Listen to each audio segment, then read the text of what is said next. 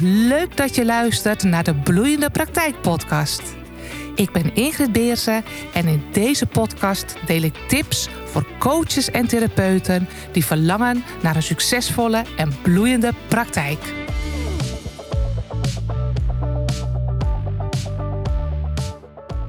Is het misschien handig als ik gewoon een tekstschrijver mijn website teksten laat schrijven? Ik heb laatst een mooi aanbod gehad. Of hoe sta je er tegenover om je social media gewoon uit te besteden? Dat iemand anders elke keer die teksten schrijft en inplant.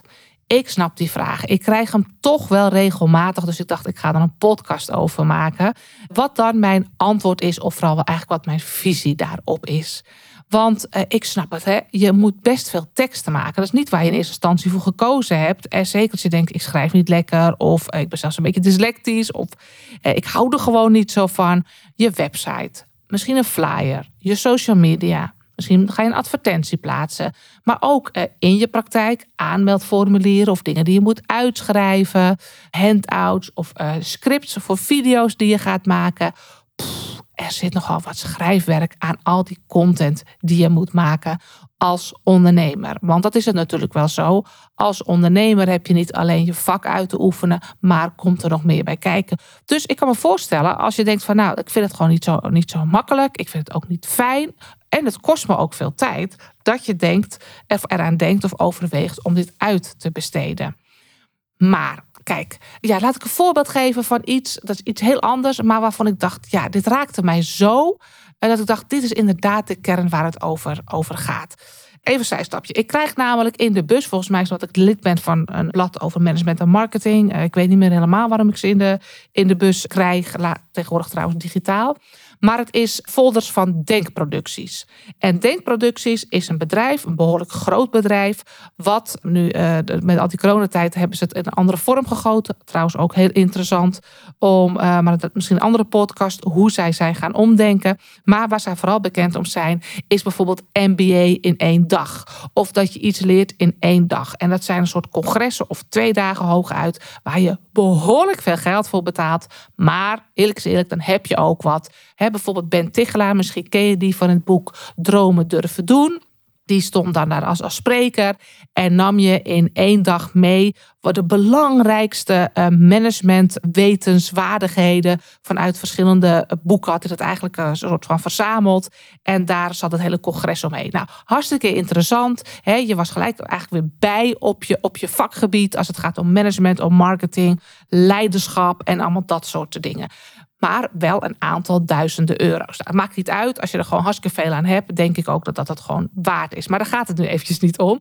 Het was in ieder geval een behoorlijk groot bedrijf. En in die uh, zalen zitten ook echt heel veel uh, mensen, directeuren, managers, nou allemaal dat, soort, uh, dat soort mensen. Maar wat die, ik had toen een interview gezien met de, de eigenaar, de oprichter van Denkproducties. En hij zei, dat zou je dus niet verwachten met zo'n bedrijf waar ook zoveel geregeld is. Het zijn echt een soort events. Heel veel regelwerk eraan. Er gaat heel veel geld mee, eh, mee gemoeid. Maar hij zei, ik schrijf al mijn folders en reclamewerk, promotiewerk zelf. Want, uh, zei hij, het is ontzettend belangrijk. Het is sowieso mijn kindje. Maar wat ik verkoop, zo'n congres op één dag, waar een aardig prijskaartje aan hangt. Wat ik verkoop, zie je niet. Kan je vooraf niet voelen, niet proeven, niet aanraken. Maar je, hè, je moet het wel van binnen gaan voelen. Ik kan niet van tevoren al gaan laten zien wat er gaat gebeuren. Want je ervaart het als je er eenmaal bent, als je het besluit hebt genomen. Mijn content, die folder, is eigenlijk het enige wat ik vooraf kan maken om mensen hun interesse te wekken, om ze enthousiast te maken en ze ook echt te laten voelen dat dit echt voor hun is. Dat ze echt gaan aanstaan, het besluit gaan nemen. En hij zegt, hij gaf ook aan, in mijn teksten wil ik ze haarveel laten voelen wat ik over wil brengen. Want dit is het belangrijkste onderdeel in mijn bedrijf. Ik wil dat ze door de regels mijn visie voelen waarom dit in één dag zo waardevol kan zijn. Ook voor het, voor het bedrag uiteraard. En die kwam zo bij mij binnen. Ik dacht, ja, hij heeft hartstikke gelijk. Dat is ook zo. Je kunt nog zo goed congres neerzetten. Zo topspreker. Goed over nagedacht hebben hoe mensen het beste eruit halen. Het goed geregeld te hebben allemaal. Maar je kan het niet, ja, het is geen bankstel. Je kan er niet in gaan zitten. Je moet het vooraf, moet je het vertrouwen opwekken en geloven. Als je er eenmaal zit en je hebt het betaald, dan gaat dit ook echt gebeuren. Maar dat is eigenlijk precies hetzelfde zoals het bij jullie uh, is. mensen uh, kunnen niks bij jou zien. Er is zelfs niet een etalage waar ze in, in kunnen kijken. Ze moeten het hebben van de reviews, maar vooral ook van wat jij vertelt. En dan kan ook een beetje voelen als je een advertentie maakt van ja, wij van WC, WC Eend, eend raden WC Eend aan. Maar het zijn natuurlijk heel veel kleine zaadjes die jij moet gaan planten. En dan is het in mijn optiek uiterst belangrijk Zeker omdat jij een praktijk hebt waar, hè, waar jij als enige in werkt. Dus what you see is what you get, zeg ik wel eens. Ze zien jou, ze vinden wat van jou. En als het positief is, gaan ze ook makkelijker met jou in zee.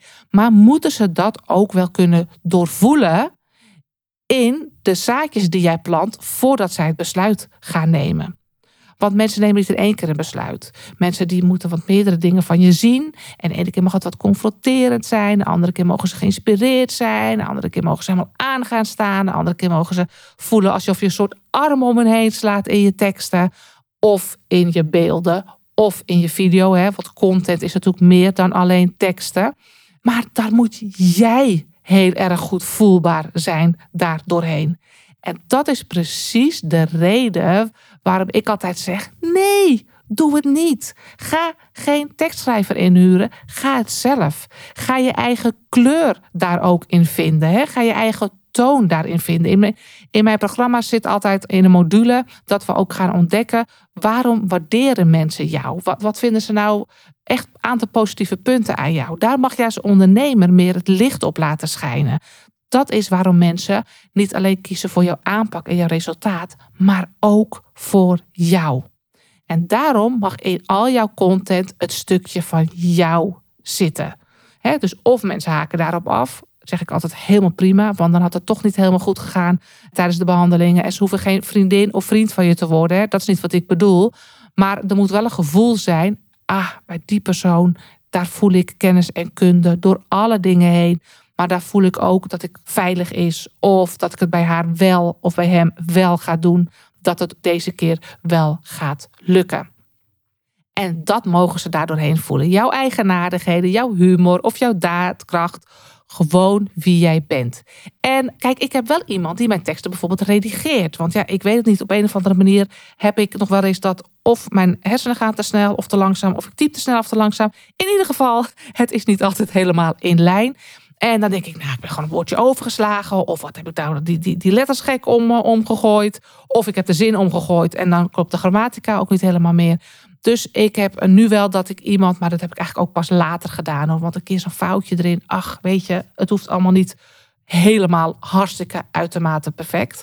Maar uh, als het toch wel iets te veel werd, en dat, was het af en toe bij mij. Ik heb nog een hoge, ik kan nogal in een hoge productie zitten. Heb ik iemand die het voor mij redigeert. Maar ze weet, ze mag het hart niet uit mijn teksten halen. Dus als zinnen gewoon wel goed leesbaar zijn, maar officieel volgens wat zij geleerd heeft, misschien een uh, taaltechnisch uh, niet zo'n handige opbouw hebben, dan moet ze dat gewoon laten staan. En inmiddels weet ze dat, want ze kent ook mij en ze kent mijn taal en ze kent wat voor mij belangrijk is. Dus weet je, dan is het prima. En het kan natuurlijk ook zijn als je groter bent, dat je wel iemand hebt die teksten schrijft, maar die helemaal is getuned op wat jij kunt. Dan wordt het weer wat anders. Maar heel vaak haal ik het eruit. Ik kijk soms nog wel eens social media posts na en websites na voordat mensen met mij aan de slag uh, gaan. Of ik met hun aan de slag ga, laat ik het ook zo zeggen. Dat ik kijk van, is, ben, ik ook, ben ik ook de goede persoon voor jou? Wil ik ook met jou werken? Zeker in mijn één op één trajecten. En dan doe ik altijd zo'n scan. En bij een aantal heb ik het er echt gewoon gelijk uitgehaald. Ik zei: Mag ik wat vragen? Volgens mij besteed jij je teksten uit. Klopt dat?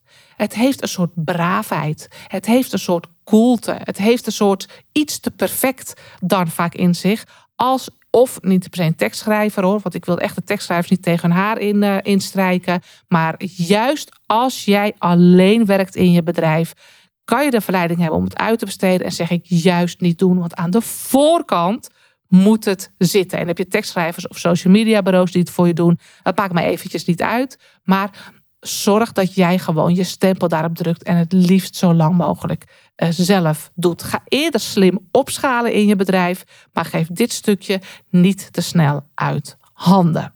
Dat is eigenlijk wat ik wilde zeggen over het creëren van content en de vraag die ik vaak krijg: is het niet handiger omdat ik niet zo goed in ben om een tekstschrijver uh, in te huren? Nee, dus. Maar wat wel zo is, je kunt er wel wat beter in worden en makkelijker in worden. En vooral zit het ook bij heel veel, weet ik, op inspiratie. Als je niet zoveel weet om over te schrijven of je hebt nog niet zo'n hele goede doelgroep bepaald, dan ga je heel snel schrijven met je therapeut of coachpad op. En je moet altijd schrijven met je klantpad of je klantbril op. Dan gaat het een stuk makkelijker.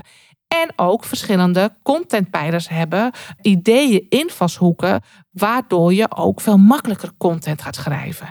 Het is ook eigenlijk een spier die je moet trainen. Zwemmen ging vroeger niet makkelijk. Fietsen ging zeker niet handig autorijden. Weet je nog? Het gevoel dat je overal op moet letten. Terwijl als ik nou mijn zoon autorijles geef... Nee, mag ik niet zeggen. Wel stiekem eh, met hem ging autorijden... omdat hij een aantal lessen had gehad. En zei hij van... Hè, doe ik nou dit of dat met mijn pendalen? Dacht ik... Poeh, ik weet het niet eens. Ik moet er zelf achter gaan zitten. Het gaat zo automatisch.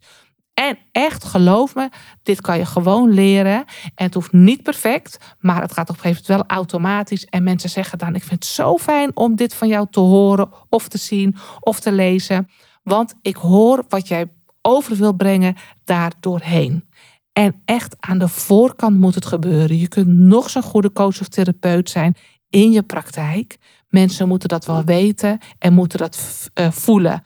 Dus je hebt nou eenmaal ook wat aan die voorkant te doen. Nou, vind je dat hartstikke moeilijk en zeg je van ja, dat is makkelijk gezegd Ingrid, maar het kost me nog wel een hartstikke veel tijd en ik vind het ook niet zo leuk. En daarom vermijd ik het en is mijn zichtbaarheid ook minder. Nou, kijk dan eens bij mij bij de Content Creatie Club. Speciaal daarvoor heb ik dat in het leven geroepen. Om te zorgen dat je een stok achter de deur hebt om te trainen. Hè? Met sport heeft ook iedereen, de meeste mensen, een stok achter de deur. Het is een stok achter de deur. Maar ik lever je ook flink wat inspiratie en ook toeltjes om uh, snel inspiratie uh, te komen. Ik help je met goede content maken. Of tenminste, ik help je. Ik geef je daar ideeën voor. Ik geef je ook daar tips over waarom je soms eh, met een titel moet gaan triggeren. En waarom je soms op een andere manier kunt gaan triggeren. Uh, we gaan het ook hebben over verschillende soorten content. Dus uh, video, podcasten. En je hoeft niet gelijk een podcast te zijn, maar je kan ook een mp4'tje opnemen. Uh, foto, titels, tekst. Ook de vormen, flyers, factsheet voor verwijzers, advertenties. Allemaal dat soort dingen komen aan bod. Want er zit ontzettend veel content in je bedrijf. Dus you better be good at it. Eh, de Content Creatieclub gaat je daarmee helpen en zorgt ook dat je er tijd voor maakt. Dus wie weet is het wat voor je, maar realiseer je dat als je hier goed in bent, dat het dan het klanten aantrekken een stuk, stuk makkelijker gaat. En ik weet, kleine waarschuwing, je gaat het stiekem ook veel leuker vinden. Dus Kijk eens naar. Wie weet is het wat voor je. En bij deze ben ik aan het eind gekomen van deze podcast. Waarin ik hoop dat ik je getriggerd heb op waarom wel of geen tekstschrijver je zou moeten inhuren. En vooral wat de kracht is van goede content. Leuk dat je hebt geluisterd. Vond je het interessant en smaakt het naar meer? Abonneer je dan op mijn podcast, zodat je op de hoogte blijft van de nieuwste afleveringen. En wil je meer informatie? Neem dan een kijkje op de website van bureaubeersen.nl.